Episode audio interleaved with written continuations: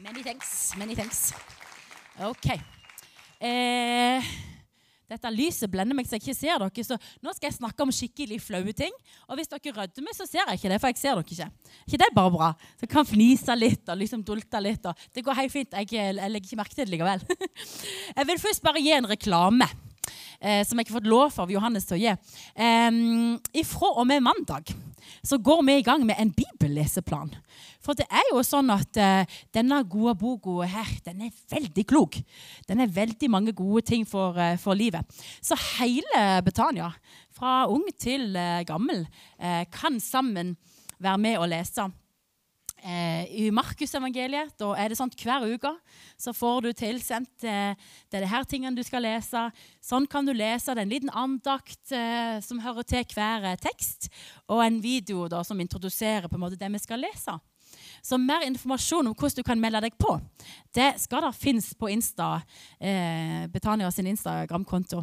Hvis den ikke gjør det, skal vi fikse opp det snarlig. For det tror jeg faktisk blir veldig bra. Tenk at hele menigheten sammen kan lese liksom, noen utvalgte vers også, og så bare holde liksom, Bibelen oppe og sannheten oppe. Det, det gleder jeg meg stort til. altså. Men eh, i høst så hadde vi jo et tema som heter motstrøms. At vi ikke eh, fyller liksom strømmen i samfunnet. Og, eh, men, men, vi går mot strømmen. Vi lever sånn som, eh, lever sånn som Bibelen snakker om, og eh, vi, virkelig, vi holder virkelig Bibelen eh, høyt. Og eh, I dag så skal vi snakke om de skikkelig pinlige tingene. Noen av dere har sendt inn spørsmål. Det var jo selvfølgelig helt anonymt, så jeg vet ikke hvem som gjorde det. Men eh, noen har sendt inn noen eh, veldig penslige spørsmål. De, de, de, de, mest vulgære har dere holdt dere for gode til, og det er bra. Men eh, vi har fått mange gode spørsmål. Så Astrid skal være med og svare på etterpå. Måtte hente inn helsepersonell, for det ble for pinlig for meg. Nei, det var. Eh, men jeg skal si noen ting om liksom, litt sånn basics i forhold til dette. For eh, det er normalt. Det er normalt når du er tenåring eller om du er 20, så er det normalt å ønske seg en kjæreste det er veldig normalt å, å tenke, gå rundt og tenke liksom, å, han var kjekk, og liksom Se der, og Det er helt normalt. Det er helt normalt å tenke mye på sex når du er i tenårene. Det er helt normalt. Det er jo helt normalt å ikke tenke så mye på det. Så det, Media sier jo at uh, vi tenker på det hele tida. Det er helt normalt hvis du ikke tenker så mye på det òg. Det er helt normalt. Det er helt uh, normalt å ville utforske sin egen kropp. Det er helt normalt å ville finne ut av alle disse tingene her. Men vår kultur er prega av at jeg er i sentrum. Hva er det jeg vil? Hva er det som er best for meg? Hva er det som tilfredsstiller meg? Det er meg i sentrum. Mens Bibelens kultur er helt annerledes. Og Derfor er, så, derfor er det så viktig for oss at du hører om disse tingene her.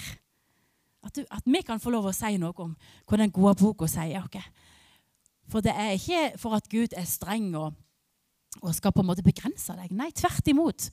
Han som har skapt deg, han som hadde planen i hodet sitt om akkurat hvordan Julie skulle se ut. Han hadde planer om hvordan Hanne skulle være. Han visste akkurat hvor tid Levi skulle komme, at han skulle være blond, at han skulle spille piano. Han visste alle de tingene. Han som hadde ideen om oss. Han som hadde designa denne jorda. Han som bare talte ut et ord, og så ble det sånn.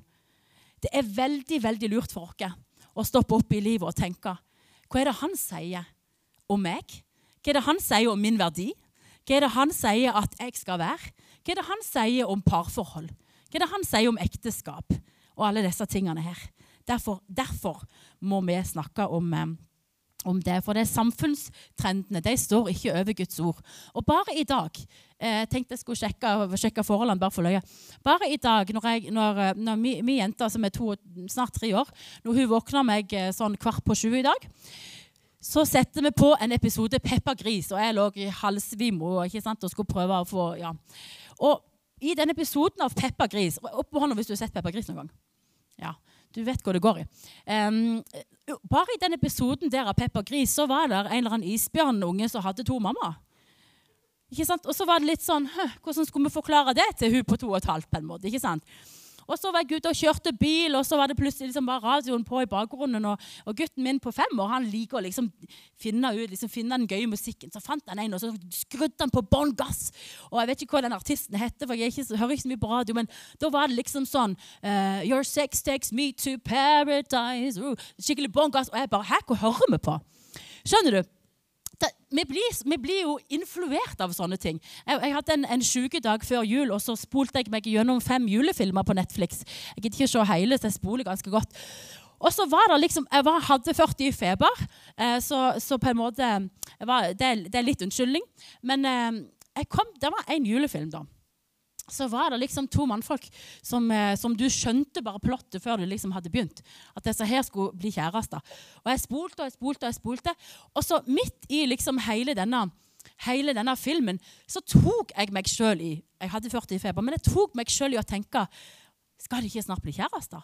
Og så tenkte jeg oi sann, hadde det blitt så normalt for meg at jeg satt og heia på det? Altså, Skjønner du, Vi må snakke om disse tingene, for vi blir jo, jo fora fra alle kanter. Og vi får så masse inntrykk. Og da må vi ha den bibelske approachen. Og det er min første, mitt første punkt i dag. Da, da har jeg skrevet dette sånn Gud, han er for sex. Han skapte det. Det er noe fint. Det var han som hadde den ideen. At det skulle være noe fint. Og så forstår vi at sex er ikke bare for å lage babyer. Sant? Da hadde vi jo hatt eh, 28 stykker alle mann. Um, men, men, det er rett og slett noe som binder to mennesker sammen. Det er noe veldig personlig, og det er noe veldig intimt.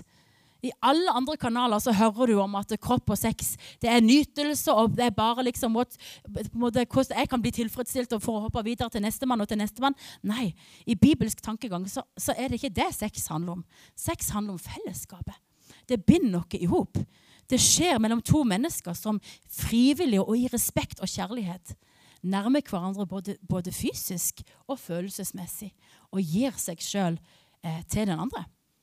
Det handler, om, det handler, like mye om tanker og følelser, at sjelen har det bra, som at det, måte, kroppen våkner og har noen behov. Og Det vil jeg bare si til deg som som kanskje er forlova, eller som har en kjæreste, eller som tenker på disse tingene. Vet du, at det, der intima, det der, den der, den der emosjonelle, det emosjonelle båndet, det kan ikke du dele med 15, 15 gutter eller 15 jenter. Det er til for å gi til den ene. Det er noe så intenst og noe så på en måte personlig at du hvis du har gitt det vekk liksom til, som sagt, til 15 stykk, Heldigvis er det gjenopprettelse, og det skal vi òg snakke litt om. Har man bommet på ting, så er det nåde. Det skal vi òg snakke litt om. Men det er viktig bare for, for, meg å få lov å si, som har vært gift i 17 år snart, eh, at um, disse tingene er noe veldig personlig. Og det gir du ikke bare til hvem som helst. Det gir du til den som skal være, som skal være din for alltid. For sex uten den forståelsen av at eh, vi hører i hop. Og det er ikke bare seksualdriften, men det er faktisk den intime relasjonen. Det er fellesskapet. Ja, hvis, vi har, hvis, vi, hvis vi har sex uten den forståelsen, så, så blir folk såra. Så blir det et tomrom der.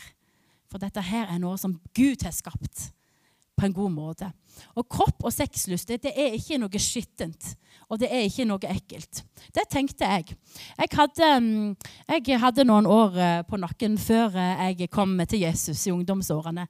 Og da, mm, da var jeg eh, både her og der og rundt forbi. Og mamma kjente på at hun måtte ta meg til legen og få skaffet noen p-piller så ikke hun ble bestemor i ung alder. Jeg hadde, jeg hadde på en måte en historie. Like mye så handler det om min identitet. Jeg kjente jeg, var ikke, liksom, jeg var ikke slank som en sulfid og hadde langt, blondt hår. Jeg kjente at jeg måtte liksom måtte bjude på liksom, for at guttene skulle like meg. Jeg kjente at det var mye grums der. Og det var, det var, det var gutter i min vennegjeng og det var jenter i min vennegjeng som bare løy på seg hvor mange de hadde klint med. ikke sant? Og jeg var midt i det og kjente hvem er jeg liksom, på denne kloden. Og så, og så ble jeg eh, så enormt forelska i Jesus når jeg var 15 år. Ish. At det bare tok helt liksom, over. Og, og, jeg tenkte ikke på kjæresteri og jeg tenkte ikke på sex i det hele tatt eh, i den første stunden. Jeg, sni, jeg snikspionerte på én gutt i ungdomsarbeid, men det, grensen gikk der. altså. Jeg bare så så vidt på han. Og så, og så gikk jeg på bibelskolen da jeg var 19, og der traff jeg han som er mannen min nå, som heter Jonny. Og det er klart at Vi gikk på bibelskole. Vi bodde på internat. Det er klart at det, det var ikke et problem i havet for oss å holde grensen. Det var, det, var, ikke interessant, nesten. Vi var så fromme og vi var så voldsomt hellige. ikke sant? Du skjønner tegningen. Så gjorde vi det slutt, for jeg følte Johnny var litt umoden. Og så eh, ble vi i hop igjen eh, fem år etterpå. Da han drev og ringte meg og ringte meg. og ringte meg, For han hadde, han hadde data altså, bånn gass. Han hadde bare kjørt flat pedal. Data en haug med folk. Og bestemor sa det, det her, du finner ikke noe bedre enn Miriam. liksom. Du må bare sende dem vekk. Og så til slutt ble vi i igjen. Og da var vi så seriøse i vår relasjon. Da visste vi det her er for life. Og da ble det plutselig vanskeligere å holde grensen. For liksom, da, hadde du, da, hadde vi committa til hverandre. Så da skjøv vi og skjøv vi litt på de grensene som jeg hadde satt opp. Jeg hadde tenkt, eh, jeg hadde tenkt veldig sånn hm, Her går grensen, liksom. Ikke prøv deg. Så, men så skjøv vi litt, og så skjøv vi litt. Men så kan jeg heldigvis si at, eh, jeg kan heldigvis si at vi klarte på en måte å holde, å holde det som vi hadde satt før oss. Og, og, og da, etterpå det, når vi hadde gifta oss på Bali i nydelig romantiske omgivelser, så fikk jeg et problem. For da skulle det plutselig være lov. Da skulle det plutselig være lov å ha sex. Og det ble vanskelig for meg. Og der og da, rett etter vi hadde gifta oss, da følte jeg at alt dette med kropp og seksualitet det var noe ekkelt og skittent. For jeg klarte ikke på en måte å navigere i at det, nå var det plutselig lov, og før var det det ikke. Det er mange rare tanker her. Og så ble jeg på en måte Så ble jeg egentlig Forsto med både hodet og hjertet og kroppen etter en lang runde at det, dette er jo noe Gud har skapt, som skal binde oss sammen og være noe fint. Og så forsto jeg dette at eh, vår kropp er skapt av Gud med en hensikt. Og jeg trenger ikke skape en egen mening med min kropp. Den meningen har Gud gitt meg allerede. Vår oppgave er å høre på Han som har skapt dere. Og Bibelen sier at kroppen er et tempel, et hellig hus for Gud. Så med, kroppen vår kan vi gi Gud ære. Så står det to bibelvers vi skal lese. I 1. Mosebok 1, 27-28 i. Der står det sånn Og Gud skapte mennesket i sitt bilde. I Guds bilde skapte han det. Til mann og kvinne skapte han dem. Og Gud velsignet dem og sa:" Vær fruktbare og bli mange. Fyll jorden og legg den under dere. Gud har skapt mann og kvinne til fellesskap. Og han har skapt til å være fruktbare og bli mange. Så kommer vi til 1. Mosebok 2, 24-25. Der står det sånn Derfor skal mannen forlate sin far og sin mor og bli hos sin hustru. Og de skal være ett kjød. Det er foren foreningen der. I det å, å, å være i hop både emosjonelt og kroppslig. Det er en forening i det som er veldig sterk i Bibelen. Og både Adam og, um, De var nakne, både Adam og hans hustru, men skammet seg ikke. Så sex innen den rette rammen er det ikke noe skam forbundet med. Det er noe fint, noe som Gud hadde sagt. At mennesket ble skapt til mann og kvinne, det var ikke tilfeldig. Eva hun var designa til å svare på Adams lengsel både emosjonelt og, og, og, eh, og, fysisk, og motsatt. Gud hadde en, eh, en, god tanke når han gjorde det sånn. Og så er det viktig for meg å bare få lov å si at alle mennesker er skapt i Guds bilde.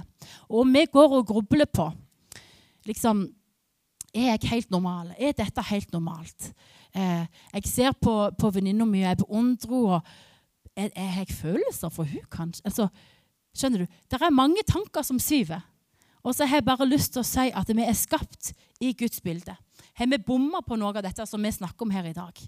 Sliter vi med noe av dette som vi snakker om her i dag, så jeg bare har lyst til å si at det er ingen, ingen, ingen grunn til på en måte å, å mobbe hverandre, peke på hverandre, peke hverandre ut og si det her, det her er, du, du, liksom, du bommer på Guds standard her. Og, ikke sant? Vi, vi skal vise kjærlighet til hverandre. Vi skal ha respekt for alle typer mennesker. Alle mennesker skal vi ha respekt for. Det er ikke alle handlinger vi respekterer og aksepterer, men vi skal ha respekt for alle mennesker. Så i det vi tenker på nettdebatten og nettroll og samtalene hit og dit, så vil jeg bare virkelig ha sagt det fra denne plattformen av. Vi skal vise respekt for alle mennesker. Men ikke alle handlinger som vi, som vi applauderer. Nummer to sex trenger rammer for å ikke være ødeleggende. Eh, det er dere som har lappen her, sant? dere eh, har vært ute og cruist, Det er glatt, og så plutselig Noen av dere kanskje opplevd det. Har du ikke kontroll på bilen, og så tar han ut mot autovernet. Hva er autovernet sin rolle? Jo, det er jo å beskytte. Og på samme måte har Gud satt opp en standard for å beskytte dere. Eh, hvis, eh, hvis, du har kjørt eh, halvveis ut av veien med bilen, og autovernet stopper bilen din, så er det jo, eh, kan, det jo skje, kan det jo skje at bilen får seg en bulk. Men det hindrer deg ifra å få kanskje konsekvenser for livet. Det kan hindre deg i for å bli lam, det kan hindre deg i for å miste livet. kanskje. Så autovernet er der for å beskytte. Og sånn er det med Guds ord og Guds tanke rundt hvordan vi lever sammen. Det er jo ikke for å være teite. Det er jo ikke for å være klein og vanskelig og vrien. Sånn som jeg kjenner Gud, så er han enormt sjenerøs. Og derfor, og dreven av kjærlighet, er det han har sett noen rammer for uh, hvordan dette her skal se ut. Gud han står utenfor historien. Så han, sitt, han er på en måte samtidig for 50 år tilbake. Han er nå, og han er samtidig 50 år fram i tid. Han vet, han vet at det var ikke lurt på en måte, å bare hive seg på den første og beste frieren som sto der. på en måte. Han vet at det var ikke lurt å gi seg til den første og beste dama som kom, kom, med et godt tilbud. jeg si. Han vet alt det. Han kjenner oss, og han ser oss. Og hans, hans, drivkraft er ikke som en forelder som bare banker i bordet og sier 'du gjør det bare for jeg sier det'. Hans drivkraft er kjærlighet. Han vil beskytte oss. Han vil det beste for oss. Gud han er en ordensgud, og han setter gode grenser. Når Gud skaper jorda, så lager han orden i alt det som er kaos. Og så er det sånn at mennesket har satt seg sjøl i Guds sin, eh, sin, posisjon. Og skaperverket eh, ja, fikk skader. Men å følge hjertet sitt er ikke den beste veien til frihet. Å følge hjertet sitt er ikke det beste av livet. Å følge Gud er det beste av livet. For det er en default med menneskene. Hvis du følger alle dine impulshandlinger og alle de tankene som bare popper opp der og da, alle de driftene som bare vil lede deg dit eller dit, Å følge det, det blir som å, som å på en måte krasje i autovernet hele veien. Så tenker jeg Gud, Gud har en tanke, han har en plan. Han vil, vil, deg vel. Han vil deg godt. Og Derfor så setter han noen grenser noen, noen, for å hjelpe oss, rett og slett. Og Da vil jeg bare si det helt tydelig at ekteskapet er innstifta til å være en ubrytelig pakt mellom mann og kvinne. Og det varer til døden skiller de to. Det er sånn Bibelen har tenkt om det. Eh, I gamle, i gamle, gamle dager så, så, inngikk de avtaler med blod. Så israelsfolket de eh, skulle be om tilgivelse, og da bar de fram blod til Gud og ofra blodet som, som, som, viser at jo, men vi, vi, er, vi er ett. Vi er ett med, med, Gud, og vi, vil følge Han. Når, når, når uh, vennskap skulle inngå, så, så, så skar de seg, snitta de seg i fingeren, og så bytta de blod. Blod er tegn på en pakt. I Det nye testamentet, når Jesus dør, så er blodet til Jesus Hvis du har hørt noen sanger om Jesu blod, så er blodet til Jesus kjempesentralt. For det er det han bærer fram til Gud for å inngå en ny pakt mellom Gud og mennesker. Og så er det òg sånn at, eh, at paktstegnet eh, mellom mann og kvinne når, når de har samleie for aller første gang, det er at det er blod eh, på lagene. Og så vet vi jo alle, hvis vi har spilt håndball og annet, at det kan, at det, kan det er ikke sånn for alle, kanskje. Men det, det er noe med, med det som, som, Gud har tenkt, at det er en pakt som du inngår med han, som, han eller hun som du gifter deg med. Og det, det, er noe, det, er noe, som Gud ikke bare tenker helt sånn lett på. Han tenker at dette er rammen for livet, og det er det beste livet. Det er den beste rammen for familielivet, og det er den beste rammen for å oppdra unger. Det er at du og ektefellen din lever sammen, elsker hverandre og har Guds velsignelse eh, over ekteskapet. Hvor går grensen for hva som er ok å gjøre kjæresten, sammen med kjæresten sin? Hvor går grensen i forhold til samboerskap eller ikke? Dette skal Astrid få snakke mer om etterpå. Jeg kan bare si at uh, for min egen erfaring da, at uh, en setter noen grenser og er veldig tydelig på dem, og så skjøv en og skjøv en litt. Og så klarer en kanskje ikke å stoppe. Og så, så var vi i den eh, posisjonen, Jonny og meg, at eh, jo, det her skal vi få til. Og begge to var like innstilt på det. det. Det, er sånn her, Vi skal leve etter Guds standard. Så flytta jeg opp til byen. Han kom fra Kristiansund. Jeg hadde ingen plass å bo, jeg hadde ikke penger til å leie meg en leilighet, så jeg flytta inn til Jonny. I det huset bodde bestemor eh, til Jonny. I det huset bodde tante til Jonny, nei, onkelen til Jonny. Eh, så jeg bodde på loftet, og han bodde tre etasjer ned. Vi hadde full kontroll på hva som foregikk og ikke. Vi, vi visste det her, vi, det her er ikke en fristelse for oss. Noen kan eh, på en måte tenke at vi kan reise på hytteturer, vi kan reise på ferie. Det er ikke et problem. Men det som jeg lærte da, når vi gjorde det, når vi flytta på en måte i hop på den måten, det var at alle andre kunne ikke vite hvor avklart forhold vi hadde til dette. Så da var det noen ungdommer i den menigheten som Jonny eh, gikk i, da, som tenkte men, ja, men Jonny, liksom, misjonæren, han bor jo i med kjæresten. Da kan jo vi gjøre det. Og de hadde ikke kontroll på hva vi gjorde på kvelden. liksom, eller ikke, Så de tenkte men da, de kjører bare sikkert på. Så det var noe med det å å være et forbilde òg i det å ikke lede sin bror til fall, som gjorde at jeg bestemte meg for jeg må flytte ut sporenstreks. For dette her skal jeg ikke ha på meg. Jeg vil ikke være et dårlig forbilde. Så jeg fant meg en forferdelig leilighet i et kirketårn som var dritkaldt. Men jeg tenkte dette skal være min bekjennelse. At jeg vil ikke lede noen mennesker inn til å tro at det, at det var liksom helt innafor. Det var min, uh, min uh, følelse i forhold til det. Og så, at, eh, så tenker jeg at til mann og kvinne skapte han dem. Det leste vi nettopp. Og, og som sagt, det kan være tider i, i, liksom, i, puberteten der en lurer på liker jeg han eller hun. Eller, det kan være mye forvirring. Og så har jeg bare lyst til å si til deg at uh, du kan ha sånne tanker. Og du kan ha sånne følelser. Men det er ikke dermed sagt at du er det. Det er, det er ikke skaperens design. Og jeg tenker at Det kan vi godt snakke om. Og Vi skal ha en forbundssetting etterpå der vi skal be for mange ting.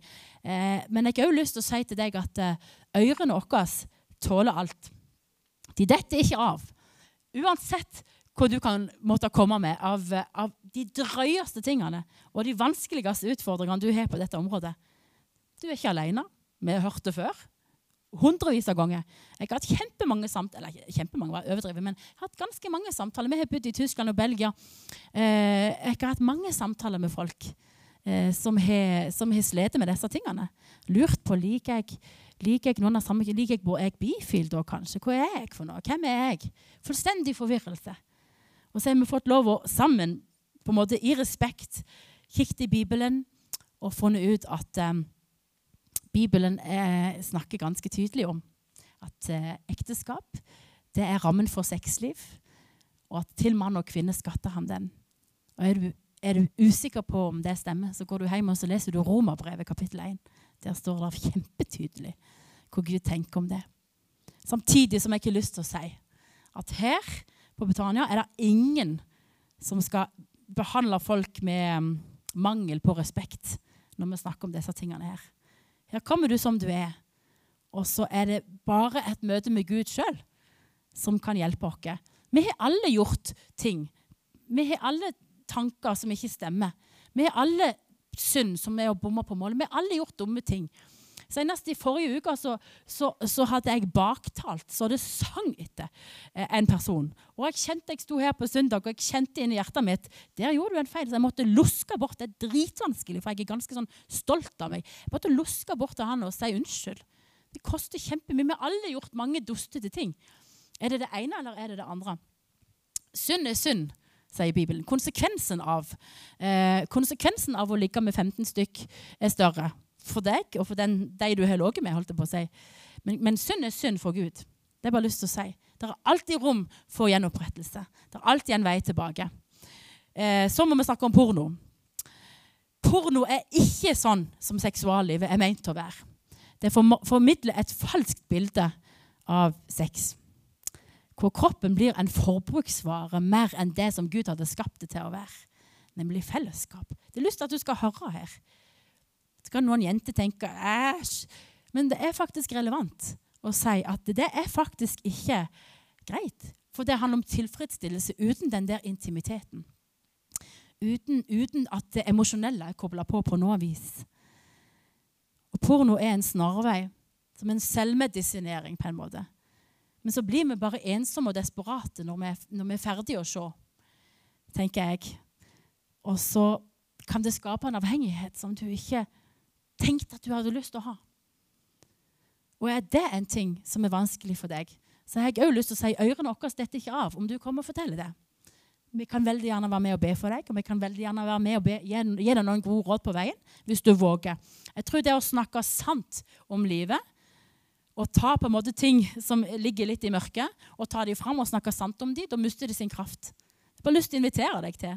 Eh, jeg tror det kan um, ordnes i dag allerede. Synd er synd. Seksuelle synder er ikke verre enn noe annen synd, og det fins gjenopprettelse. Og det fins en vei tilbake. Men som Guds Hvis vi vil velge å være Jesu disipler, så må vi følge etter han òg på dette området her. Tenker jeg. Ja. Ikke pinlig ennå, eller? Litt, kanskje? Dere var veldig stille i dag. Det var jo skøye. så gøy. Ja. Vi skal invitere opp eh, Sunniva.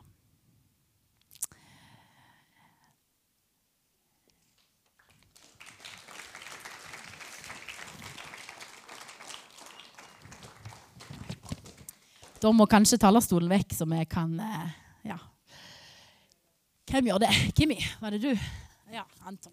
Anton kommer med muskler. Det er bra. Samme det. Um, takk, Anton. Flott.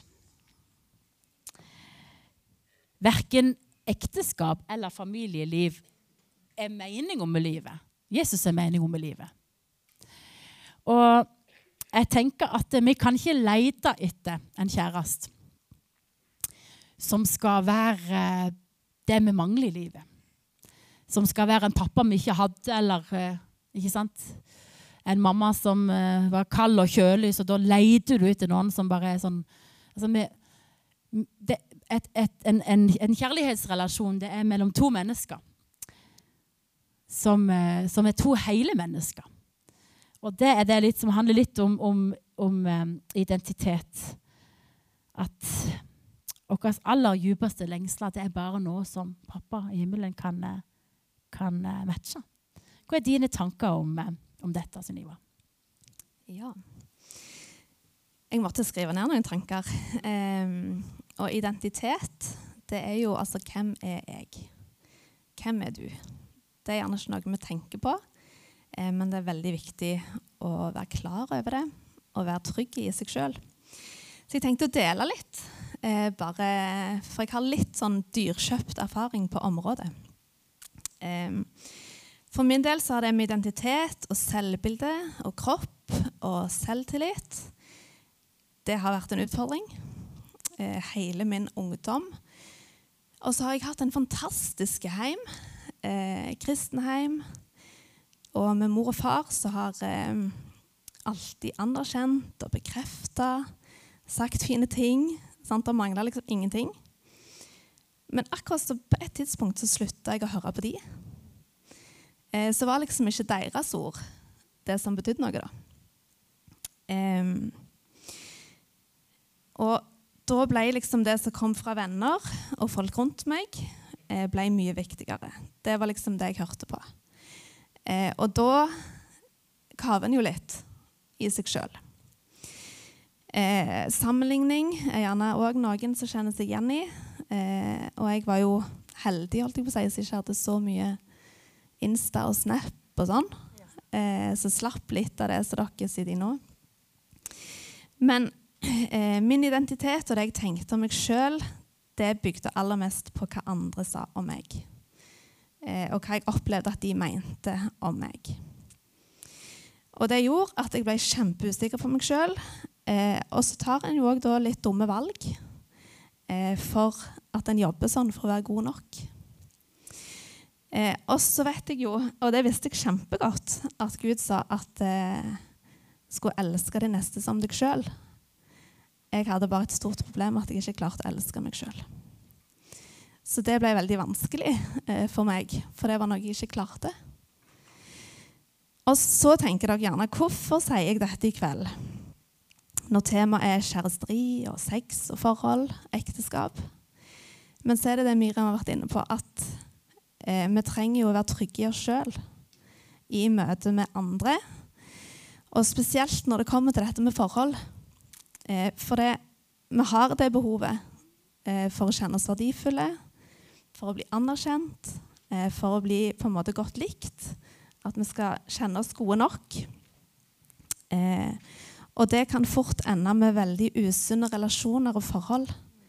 Eh, hvis du søker anerkjennelse og bekreftelse fra en kjæreste eller de rundt deg eh, pga. din egen usikkerhet. Da.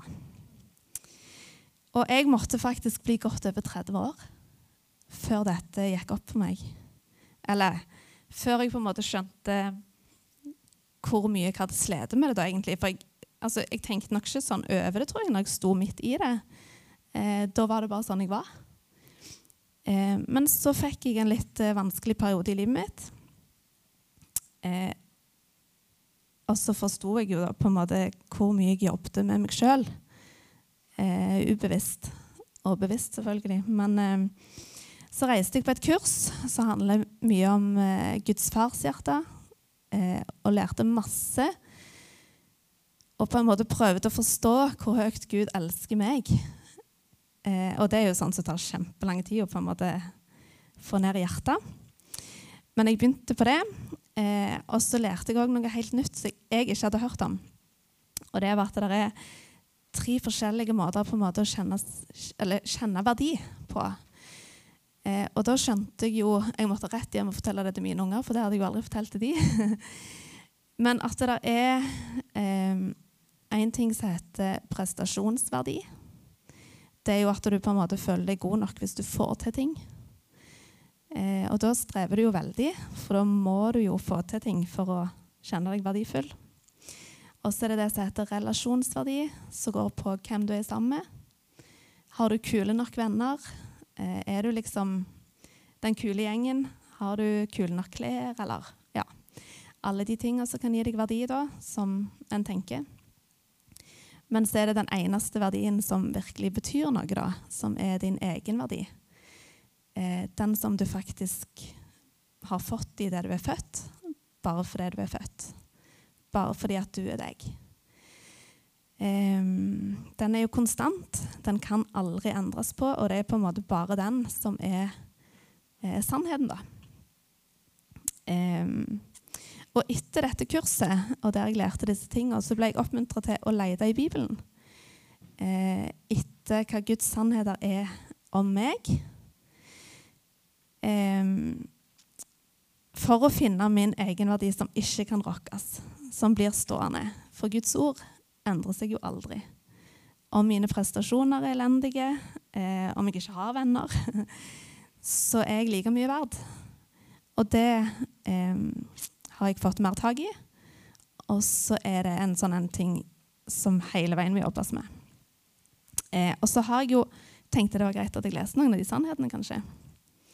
For det er like mye deres sannheter som det er mine. Jeg har funnet kjempemange, men jeg måtte plukke ut noen. da. Du er hans mesterverk. Du er tilgitt. Du er en ny skapning. Du er fri fra fordømmelse. Du er Guds arving. Du er rettferdiggjort. Du er frelst av nåde. Du har livet, evig liv. Du har fred med Gud. Gud fryder seg over deg. Du kan hvile i Guds kjærlighet. Du har nåde i overflod. Du er Guds barn. Du har Guds fulle rustning. Herren er din hyrde, og du mangler ingenting. Du har framtid og håp. Du hører Herren til. Du er virkelig fri. Du er høyt elska, og Jesus ble født for deg. Ja. Har du, har du, et uh, godt råd? For da var, du, var, var, du, gift når du var 30? Ja. Ja. Jeg gifta meg da jeg var Mm. 19. Lette du etter noe i Ronny da, som eh, kunne bekrefte deg, eller uh, funka relasjonen mellom dere godt, bare at det var du som person som, som kjente at du måtte jobbe med deg sjøl? Ja, relasjonen mellom oss funka godt, men eh, det var utrolig vanskelig for han eh, at jeg ikke trodde på hans komplimenter om meg. For det var aldri godt nok. Eh, jeg trodde aldri godt nok om meg, da. Så det ble en utfordring eh, i relasjonen mellom oss, fordi at jeg aldri på en måte trodde på det han sa. Da begynner man jo litt skeivt. Og det er jo det, Det er som er poenget, skjevt. at man må Ja. ikke lete etter en kjæreste som, Mm. som skal være det du mangler, på en måte. Mm. I, I den forstand, men at du at det er at man er Ja, og det klarte jo han aldri på en måte å gi meg, for jeg hørte jo ikke på det. sant? S- for det var jo òg noe som bare eh, Guds sannheter kunne fylle i meg, da. Mm. Så det er, det er jo Gud som er meningen med livet, og, Ja. ikke, og ikke ekteskapet. Men, eh, men det er en god støtte og en god hjelp. Mm. Jeg tenker jo Ronny har vært Tålmodig. tålmodig med deg, da. ja, Så bra. Mm. Kjempe. Har du et siste godt råd til disse som skal ut i, ut, ut i det, denne verden med Jeg tenker jo at det kan være lurt å begynne nå, kanskje. eh, å lete i Guds ord etter sannheter om dere. Ja. Det, og det gir jo litt mer gjerne lyst til å åpne Bibelen òg. Eh, for det ga meg iallfall en sånn god reis. Eh, der jeg, jeg googla jo, altså jeg brukte jo hjelpemidler, for det var jo ikke bare liksom å sette seg ned og ble. Men, eh, men finn de sannhetene allerede nå, og så eh, si de høyt til dere sjøl. eh, jeg har klistra litt på speilet og må si ting om igjen og om igjen. Men eh, det går inn. Mm. Tusen takk, eh, Sunniva. Nydelig. Vi gir henne en klapp. Ja.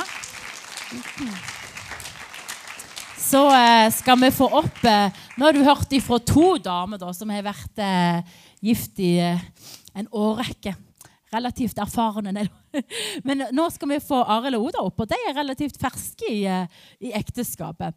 Og jeg eh, tenkte også å høre litt med dem om eh, om eh, dating og kjæresteri. og Hvordan i alle dager vet man? Det er jo en kjempegedigen spørsmål. Hvordan vet man at han som du har funnet, eller hun som du har funnet, at det er the one? liksom? Kjempegedigen avgjørelse. Jeg husker selv i mitt eget bryllup at jeg sto og tenkte nei, jeg kan ikke gifte meg med Jonny. Det går ikke. Det kommer til å gå helt altså, Det kalles bryllupsnerve. Men før det så var jeg ganske ganske sikker på at jeg kjente fred i hjertet. Nå er jeg spent på å høre hvordan de her nydelige folkene har hvordan dere dater, hvem sjekket opp hvem osv. Nei da. Eh, hvordan tips har vi? Oda, hvor lenge har dere vært gift? To og et halvt år. Ja, Se dette. Hvordan, eh, hvordan var dere ble kjærester? Eh, tenkt, jeg tenkte å begynne litt med at eh, det første jeg tenkte var eh, jeg var yngre, var at jeg eh, ville ikke bli kjæreste med noen før jeg visste at dette er en person som jeg skal gifte meg med. Eh, og det var viktig for meg å tenke gjennom hva vil jeg ha i denne framtidige eh, mannen. Eh, så jeg begynte i eh, miljøet på Betania, og der så jeg Arild. Så når jeg så han, så tenkte jeg jeg vil ha en mann sånn som Arild.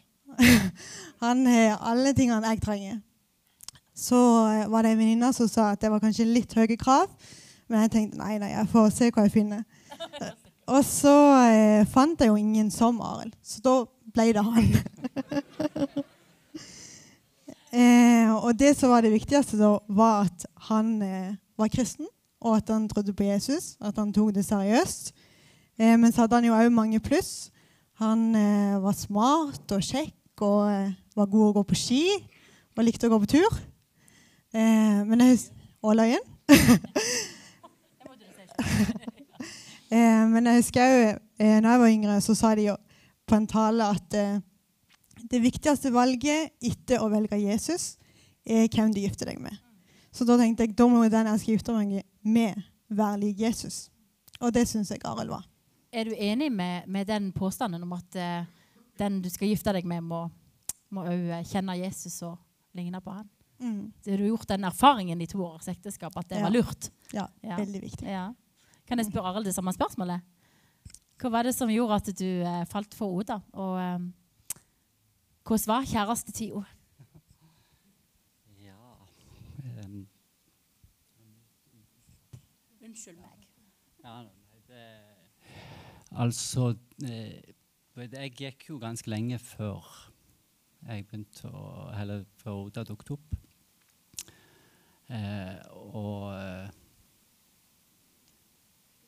Ja, for det er det jeg tenkte litt når jeg hørte Sunniva snakke om identitet, at for meg så var det å være singel i den perioden jeg var det, det var egentlig en veldig fin tid òg fordi at jeg kunne jeg hadde et veldig avslappet forhold til om jeg skulle Jeg regna med at Gud hadde kontroll på at det ville dukke opp ei etter hvert som jeg trengte. Så derfor kunne jeg bare slappe av litt og nyte av å være ungdom og bli trygg i meg sjøl. Eh, mens når det da etter hvert kom eh, til Oda dukket opp, og vi jo, eh, gikk jo i ungdomsmiljøet begge to, så vi kjente jo hverandre litt. Mens når vi da skulle eh, ta det videre, så trengte vi å bruke mye tid og snakke masse i lag. Eh, og det, jeg vet ikke hvor datingtips det er, men vi gikk iallfall uh, veldig mye på tur. For det er jo en fin, fin ting å gjøre, for at da er du så ute og beveger deg og kan uh, snakke om uh, veldig mange ting. For det, hvis du skal bli trygg på hvem du skal gifte deg med, eller uh, bli sikker på at dette er den rette, så trenger du å bli kjent på de viktige tingene. Og for eh, det som var viktigst for oss, var jo det Og for meg òg, var jo det at hun, tok troa på Jesus seriøst, og at vi kunne i lag òg komme videre der. At vi kunne dra hverandre nærmere Jesus. Og eh, og at når vi da òg var i lag og kjente det at dette er Vi har det veldig gøy i lag. Vi kan le mye i lag. Og at når hun òg da var så skjønn, så var det ikke noe å lure på. Så da tenkte vi at det her går vi for. Oda, når visste du at han var the one? Mm. det visste jeg jo eh, Jeg visste jo det når jeg egentlig gikk for han, at det var the one. Ja. Fordi han var jo egentlig drømmemannen. Så når jeg fikk han, da, så da var det the one. Mm. Hva er det som gjorde at dere ikke valgte å flytte i hop før, uh, før dere gifta dere? Kunne dere ikke bare vært samboere liksom, og testa ut om det funka? Nei, altså for oss så var det der man begge to er enige med en gang, eller fra begynnelsen av at vi skal, vi skal ikke bli som- samboere. Vi vil bruke tida bli kjent med hverandre og, eh, og, og finne ut om det er som, sånn som vi snakket om, at det er vi som vil dele resten av livet i lag. Og når vi da har funnet ut det, da bestemmer vi oss å gifte oss. Og så velger vi etter det å å flytte der. Og så ja, for i det med det, så tenker jo Det handler litt om folk, hvordan vi tenker om ekteskapet. Og at vi Vi har veldig tro på ekteskap. At det å eh, si et ja, for, både for Gud og hverandre, og love at vi skal leve resten av livet i lag, det er noe som er veldig viktig. Og òg det å kunne ha den der sannheten om det at en eh, vi er resten av livet i lag, med seg inn i alt det en møter av utfordringer. At det er en hel loft at vi skal aldri gå ifra hverandre, uansett hva vi møter. At den eh, tryggheten er veldig godt å ha med inn i samlivet. Og både meg og Oda er- vi har snakket mye om det, at det å, å gå ifra hverandre er aldri et alternativ. Og det tror vi jo 100 sikre på òg at det går. Eh, men ja. Har du noe å legge til, Oda, om dette med kjæresteri og Eh, ja. Jeg tenker jo at når du er kjærester, og sånn som vi, vi valgte jo ikke å bli samboere, eh, så var det veldig viktig å snakke om grenser. Eh, det ble veldig viktig for oss, og det var noe vi gjorde helt i begynnelsen når vi ble kjærester, og noe som vi måtte fortsette eh, underveis å ta det opp. Vi snakket både om fysiske og noen ting som vi ikke hadde lyst til å gjøre før vi gifta oss. Og noen eksempler på de på en måte overordna tingene var at vi ikke ville reise på tur alene med overnatting. Men vi hadde heller ikke lyst til å overnatte hos hverandre. Og for eksempel, Hvis vi reiste på familietur til Hovden, så var det liksom viktig at vi hadde hvert sitt rom. da. Eh, For vi ville veldig, være veldig tydelige på hvor vi satte grensene. Eh, og, og grunnen til at vi ville gjøre det, var jo for eh, vi ville vente med sex til ekteskapet. Eh, og det var sånn vi så på det, at det var viktig, og at det var der det hørte til. Eh, men samtidig så er jo kjærestetida ei tid vi ikke vet om det faktisk blir oss. Det vet vi ikke før vi faktisk sier ja og gifter oss. Eh, så både for å beskytte meg sjøl og for å beskytte Arild, så syns vi det var veldig viktig å ha de tydelige grensene. Eh, og òg når vi hadde så tydelige grenser at eh, hvis du gikk litt over den, så var det veldig enkelt å på en måte stille deg inn igjen der du ville være. Eh, og da gjorde du på en måte veien til å vente med sexekteskapet mye enklere. Eh, og så vil jeg jo bare si at Når en er kjærester, så er det en veldig sånn usikker tid. Eh, og en kan bli litt sånn Ja, er det han, eller tenker han noe annet? Eller eh, blir det oss to til slutt? Og det vet han jo heller ikke eh, før han faktisk sier ja.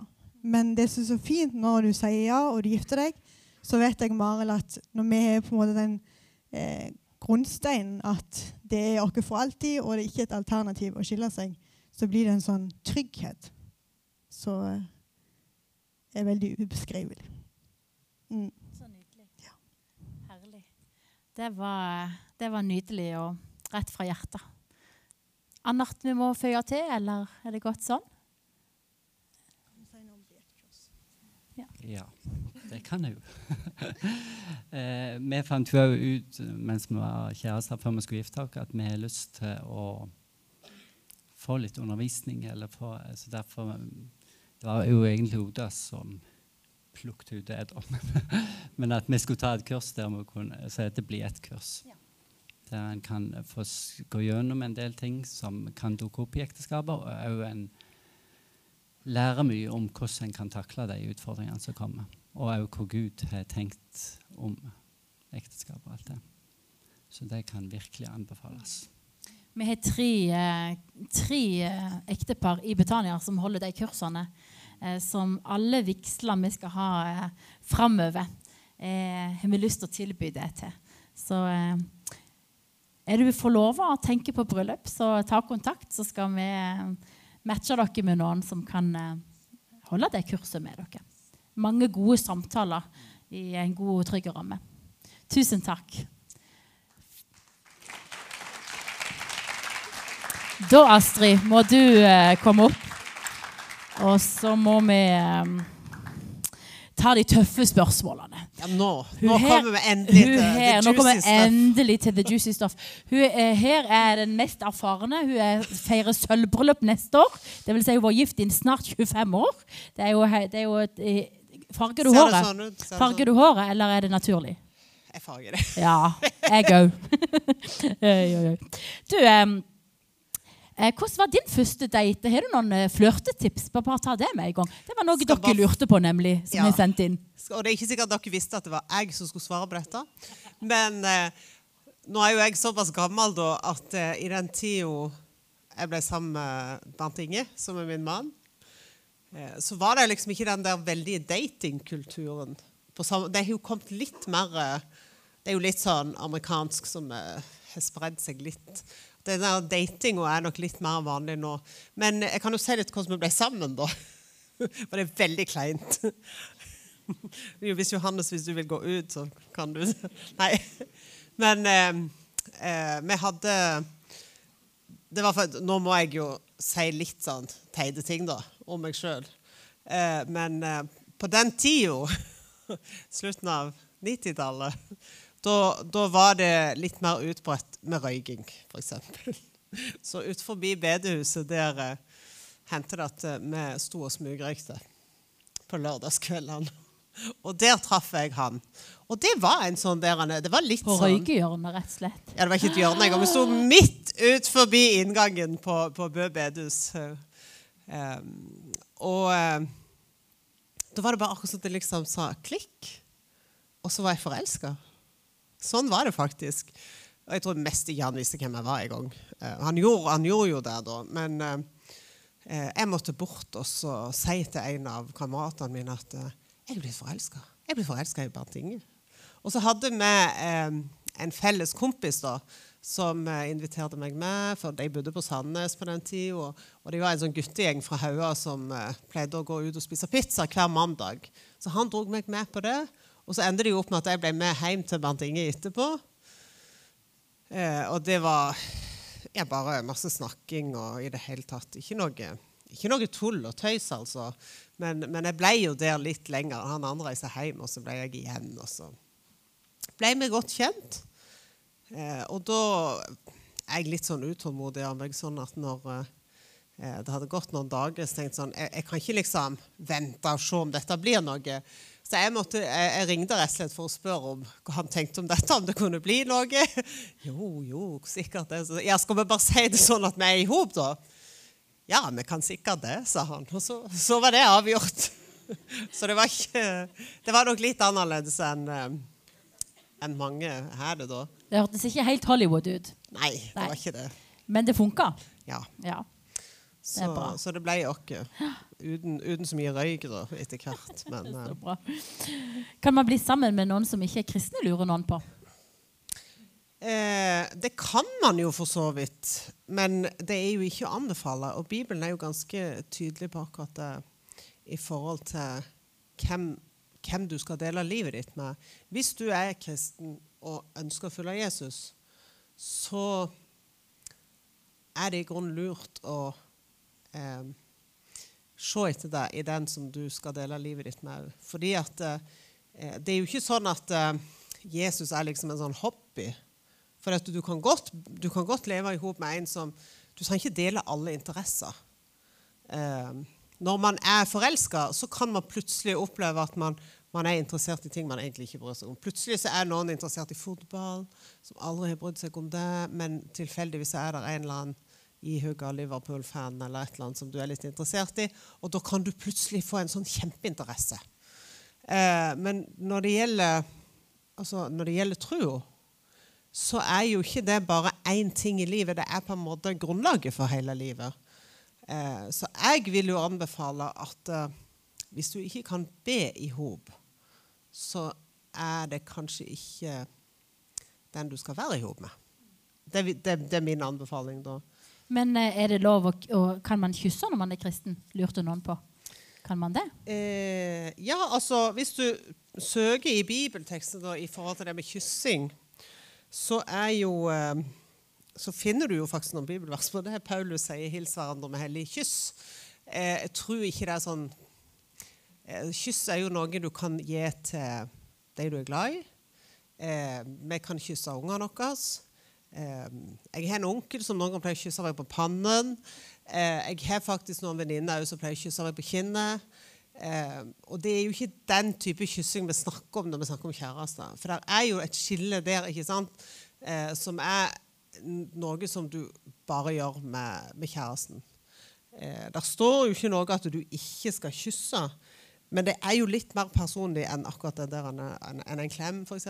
Som i vår kultur er det veldig vanlig at vi klemmer folk vi ikke kjenner så godt. Men det å kysse noen på munnen, det er liksom forbeholdt eh, til den du, eh, du har nærmest. Ikke sant? Så det er liksom noe intimt med det. Og så er det òg forskjell på et kyss og et tungekyss eller klining. ikke sant? Og da begynner vi å bevege oss over i det som eh, kanskje kan ha en litt mer sånn seksuell betoning, eller hvordan du skal si det. Eh, da jo, jo, jo, mer, jo lenger et kyss varer, jo større er sjansen for at du blir kåt av det. Kan jeg si det så enkelt. Sånn at det, eh, det kan være lurt å tenke gjennom hvor, hvor, du legger i det begrepet, da. Tenker jeg. Men hva eh, regnes som sex? Hvor går grensen? Er all sex eh, før ekteskapet synd, lurer vi på? Eh, hvis vi skal liksom bare sette liksom helt sånn kategorisk Hva er sex?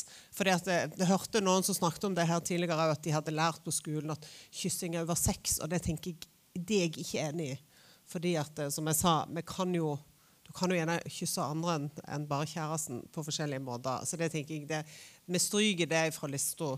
Eh, men jeg syns det er ganske greit også si at når du berører og kjæler med kjønnsorganene til hverandre, da er det en seksuell aktivitet. ikke sant? Og alt den der stimuleringen som vi gjør for å tilfredsstille seksuell lyst, eller vekke seksuell lyst, eh, for, for å eh, oppnå orgasme, eller sånn, det tenker jeg det hører til i det vi kaller for sex. Eh, og så har vi noen liksom, sånne grenseoverganger ikke sant? der vi kan snakke om det som vi kaller for erogene soner. Det er enkelte deler av kroppen som er mer mottagelig for seksuell stimuli, for å si det sånn. ikke sant? Og det er jo typisk eh, bryst eh, og rumpa og innsida av lårene. Det er en del sånne deler av kroppen som gjerne kan føre til at eh, man har lyst til å gjøre noe mer. Så sånn, eh, Men er det sunt, da? Ja, det tenker jeg Bibelen sier ganske tydelig. at det er, For Bibelen bruker jo et ord om, om Det står jo ikke i Bibelen det er synd å ha sex. Bibelen bruker jo et annet ord som, som eh, heter hor i den, de fleste norske oversettelser. Og det er jo et ord som vi ikke liksom bruker så mye i dagligtale. Eh, og det er ulike ikke sant? Det er ulike eh, ord som brukes på gresk. og sånn, Dette kan sikkert du mer om enn meg. Eh, men det handler som oftest om altså Det ordet betyr egentlig bare sex utenfor ekteskapet. Eh, og da tenker jeg Jeg tror ofte at vi vet når vi er over den grensen. Eh, men mange ganger så vil vi liksom ha ikke sant, Vi vil, vi vil gjerne ha en sånn der er, Hvor langt kan det gå og fortsatt være innafor? Ofte det vi liksom leter litt etter, og spesielt fordi at det er veldig mye som liksom bruser og, og bobler i, hos, hos noen. Og, og der òg er vi forskjellige. ikke sant? For jeg, jeg må jo si at det, det er ikke for alle det skal det så veldig mye til før du liksom kjenner at mm, nå har du lyst til å gå videre.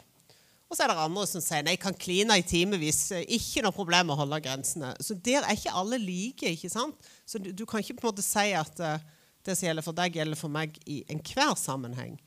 Uh, men men uh, jeg tror egentlig at hvis vi snur litt om på det For at dette handler jo om at vi tror jo på et litt annet verdensbilde enn det som er presentert i media. ikke sant? Det gjelder ikke bare dette med sex, men det gjelder altså, vi tror på en Gud som har skapt dere, og som er større enn det han har skapt. Så vi tror at det er en høyere mening med livet enn å være lykkelig og bli tilfredsstilt. ikke sant? For det er jo det vi får vite ellers. At det er liksom det det handler om. Eh, å bare få alt det du kan eh, få ut av livet. Det er liksom målet. Men vi tror jo på en høyere mening. Eh, og da er det jo en del av, eh, av hele dette bildet, ikke sant? Eh, nå vet jeg ikke helt hva, jeg, hva spørsmålet jeg de holder på med. Men Er all form for sex før ekteskapet synd? ja, ifølge Bibelen så er det det. Så det enkle svaret på det er jo ja. Eh, og så Hva, hva tenker vi om onani, da? Ja, for det er jo òg en del av dette med sex. ikke sant? Og onani, selve ordet kommer jo ifra Bibelen, faktisk. Eh, det er en fortelling fra første Mosebok som handler om en mann som heter Onan. Eh, men poenget der er jo egentlig Det står noe sånt som at han spilte sæden i bakken, og han gjorde det som var ondt i Herrens øyne. ikke sant? Så kan du tenke at eh, når han kanskje så, ser for seg at da onanerte han fikk utløsning, og så var det det som var synd. Men dette handler nok mer sannsynlig om det som vi på godt norsk kaller for av i svingen. For han ville ikke gi en sønn til den dama til kona si. ikke sant? For det, det, var det, han egentlig skulle ha gjort. Og det var det som var synda til Onan. Eh, men det er der det ordet kommer fra. Og så tror jeg sånn teologisk sett ikke sant, så kan vi si at Bibelen er jo ikke alltid konkret på alt. Hvis, du, hvis du lurer på om det er synd å se på porno, så står det i pornografi, eller nettporno. Det står jo ingen plass noe om det i Bibelen. Men allikevel så sier Bibelen veldig mye om, eh, om eh, ting rundt der som det er lett å overføre, egentlig. Eh, og når det gjelder dette med å altså onanere, tilfredsstille seg sjøl, eh, eller leke med kroppen sin, eller det er mange måter å, å, å uttrykke det, så tror jo jeg at dette er noe som folk har holdt på med siden i begynnelsen. Eh, og Moseloven, for eksempel, som er liksom det første med, altså man kan se i Det gamle testamentet, den er jo veldig detaljert. Og jeg tenker at Hvis onani i seg sjøl var veldig farlig for oss, så tror jeg det hadde stått noe om det der. faktisk. For den er såpass detaljert på veldig mye annet. Eh, når det gjelder utflod eller mensen, altså sånne ting. Masse regler. Så jeg tror jo på en måte at det, den handlingen i seg sjøl er ikke så farlig. Men jeg har funnet ei sånn eh, Det er derfor jeg må ha litt sånn jukselapp her. Jeg fant en sånn der en sjekkliste. For hvis du lurer på liksom Det kan godt være du har skyldfølelse hvis du har gjort det, ikke sant? Eller eh, at en har litt sånn dårlig følelse for det. Og da er det jo noe med at det kan bli problematisk, fordi det ofte henger sammen med andre ting. ikke sant? Og her har jo du snakket om at dette med, med sex det, det ønsker vi på en måte, det er en del av en relasjon. ikke sant? Og det handler om intimitet. Det er ikke noe du trenger å holde på med alene. For det er ikke meint for oss alene, det er meint for eh, den tosomheten i ekteskapet, på en måte. Eh, og da er der, eh, jeg, synes jeg fant en ganske sånn greie sjekkliste på det. Eh, og da kan du spørre deg sjøl altså, Fantaserer du om å ha sex med en annen person? Altså, det kan være en konkret eh, ei du har sett som syns er veldig fin, om det er på TV eller inne. For Jesus sier jo faktisk at uh, det å se på ei dame med begjær, altså at og jeg har lyst på henne, da har du allerede drevet henne i ditt hjerte. Så, så, Jesus er ikke nødvendigvis alltid så opptatt av hvis du gjør sånn og gjør sånn og gjør sånn, eller ikke gjør sånn, da, da, da er du på rett plass. Men det er hvor er hjertet ditt hen? Så det handler om det. Er det sånn at du fantaserer om sex med en annen person? Ser du på porno mens du holder på med dette? Eh, for jeg tror det er ikke så veldig vanskelig å skjønne at det med porno det er galt i forhold til Bibelen. Så jeg tenker vi, vi utelukker den ganske greit. Og så er det en annen ting i forhold til at man kan nesten bruke dette som et slags rusmiddel. Fordi at uh, dette med altså, sex, orgasme, det utløser jo en del sånn uh, dopamin i hjernen. Dopamin er jo avhengighetsskapende. Det er det som gjør at vi blir avhengig av mobilen. Det er det som gjør at eh, narkomane er avhengig av narkotika. Og, og i det hele tatt blant annet. Ikke sant? Sånn at du kan bruke det som et rusmiddel, og du kan bruke det som en virkelighetsflukt. Ikke sant? Og hvis det gjør at du flykter for andre ting, eh, eller at du bruker veldig mye kapasitet på å tenke på sex istedenfor å gjøre andre ting som er bra for deg, så er det synd. Og det er jo sånn som Paulus sier. Du har lov til alt, men det er ikke alt som er bra for deg. Og sånn sett så tenker jeg eh, spørsmålet burde jo heller være eh, ikke liksom hvor langt vekk kan jeg gå og fortsatt være innafor, men snarere hvor nært kan jeg komme til Jesus? Eh, fordi at da vil veldig mange av disse tingene følge etter. ikke sant? For han gjør den forandringen fra innsida og ut, istedenfor at vi prøver å bare fylle de tingene. Og jeg synes det var veldig bra, Nå, nå snakker jeg bare litt her, men jeg synes det var veldig bra at du sa noe om dette med når du har på en måte jobbet veldig hardt for å holde på de grensene, så, så var det nok litt sånn i min ungdom og sikkert for deg at det, det, var, det, var, nesten sånn at ekteskapet det er bare så fantastisk. Og hvis du bare klarer å la være å ligge med noen fram til du er gift, så kommer du til å få et fantastisk sexliv. Og så er det ikke helt sånn, det ikke, og det sier ikke Bibelen heller, at hvis du bare følger reglene, så blir livet ditt fantastisk. Eh, eh, sånn at det, det handler liksom ikke om det. Eh, for hvis du klarer å følge alle disse reglene til punkt og prikke, så kan det jo like godt være at du blir en fariseer som eh, eh, tenker at eh, 'jeg fikser det sjøl'. Og, og, det er jo ikke sant. Ikke sant? Det er bare Ja. Men eh, er det synd hvis man har sex med noen man elsker, og gjør det med en god intensjon? Altså, hvordan er det for to kristne kjærester å leve sammen? Hvorfor, hva tenker vi om det? Det er jo et sånn der, si, det er jo et argument som ofte blir brukt i forhold til det. Vi, du sa det jo ganske greit. at All sex utenfor ekteskapet det regner Bibelen som synd. Og, og vi, vi, tror at Bibelens sannheter står over våre egne følelser eller våre egne hensikter. ikke sant? Fordi at hensikten kan være god, men jeg velger likevel å tro at Gud vet bedre enn det mine følelser sier.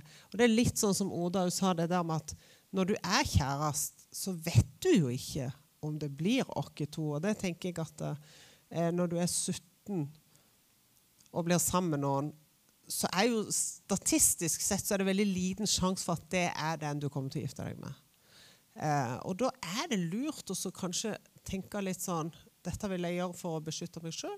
Dette vil jeg gjøre for å beskytte kjæresten min.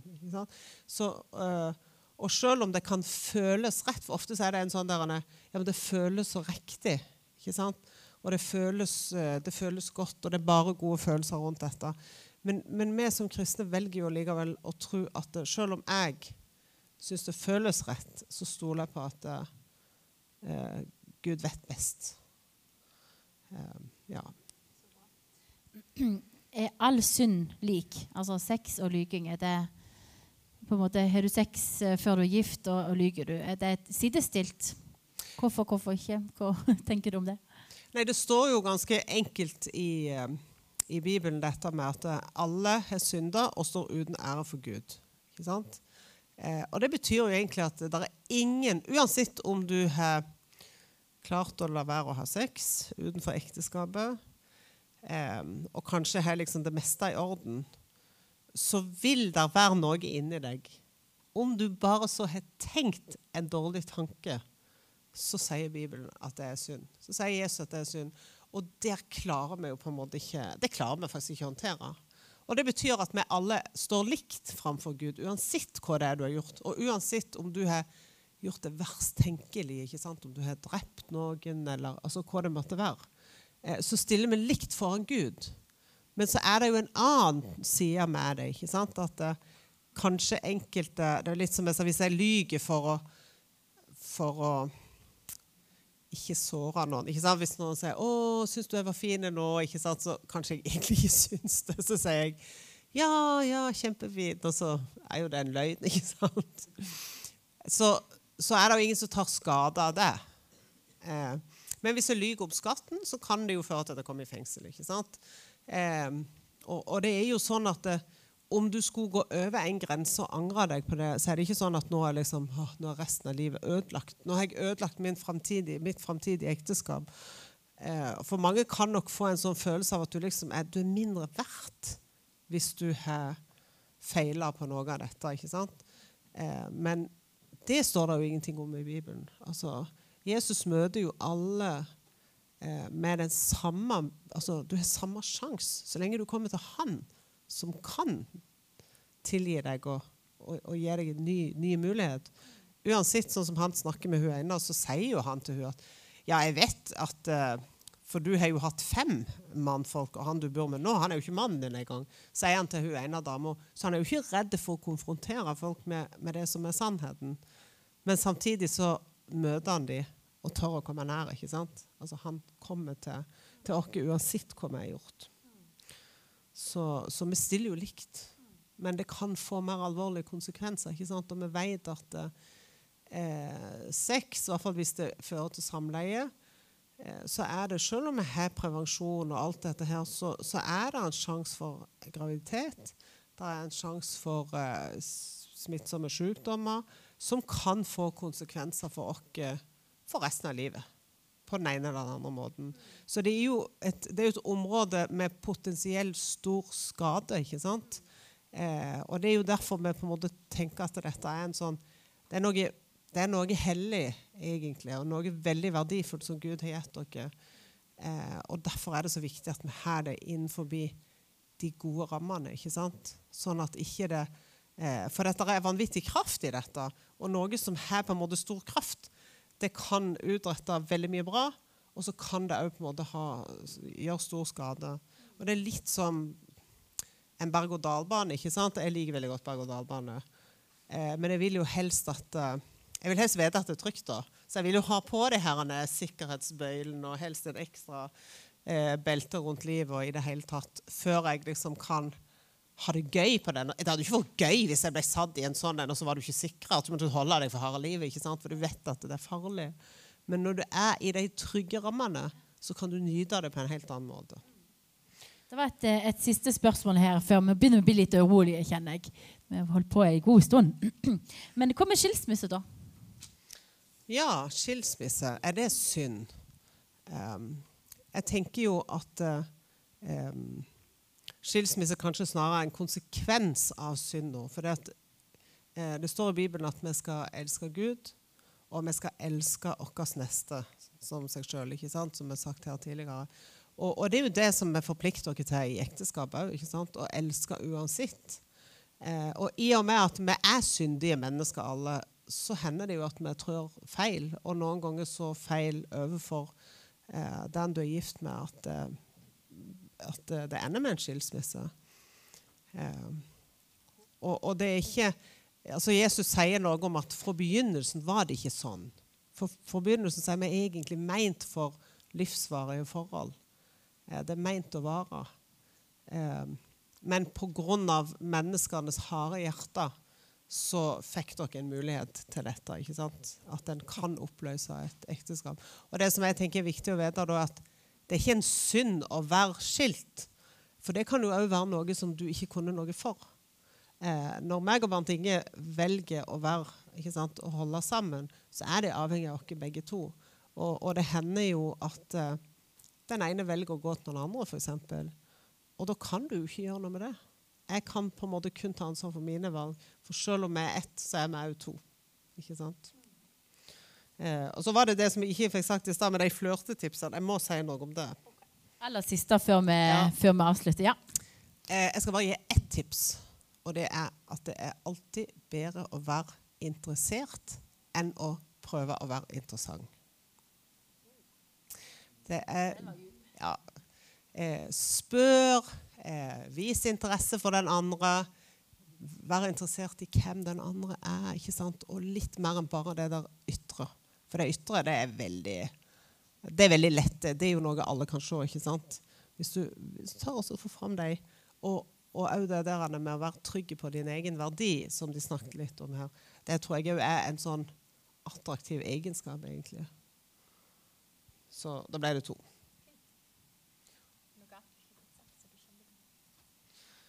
Nei, jeg tenker jo Det er viktig, sånn som du har egentlig sagt det ganske godt, ikke sant? at det er ingenting som er for stort til at du kan komme til Jesus med det. Og så er det heller ikke sånn at liksom, o store mål i livet er å få et, et lykkelig ekteskap. Eh, for det er noe større enn det.